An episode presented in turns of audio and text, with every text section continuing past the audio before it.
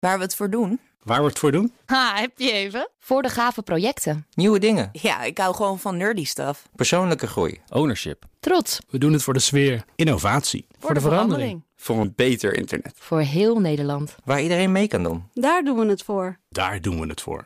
Waar doe jij het voor? Kom werken voor KPN en groei op jouw manier. Check de actuele vacatures op het gebied van data, security, development en networking op jobs.kpn.com/tech. Hoi, ik ben Carlijn Meinders. Dit is Wetenschap vanavond. Een minuutje wetenschap voorbij het tandenpoetsen. De naakte molrat ziet er precies zo uit als zijn naam doet denken.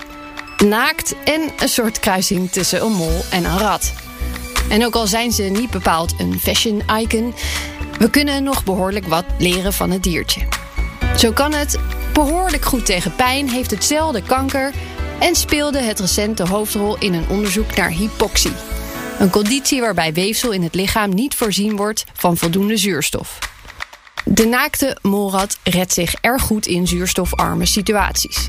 Het dier kan zijn energieverbruik in rust met 85% verminderen om energie te besparen. Nu hebben onderzoekers meer ontdekt over het mechanisme dat het dier hiervoor inzet.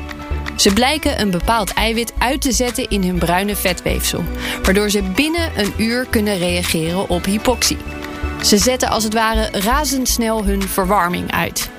Het mechanisme was vooral te zien in molratten die in koloniën leven, wat suggereert dat er ook een sociale kant zit aan het mechanisme omdat hypoxie ook bij mensen voorkomt. Het kan onder andere een rol spelen bij een hartinfarct, maar het is ook gezien in acute vorm bij mensen met het coronavirus.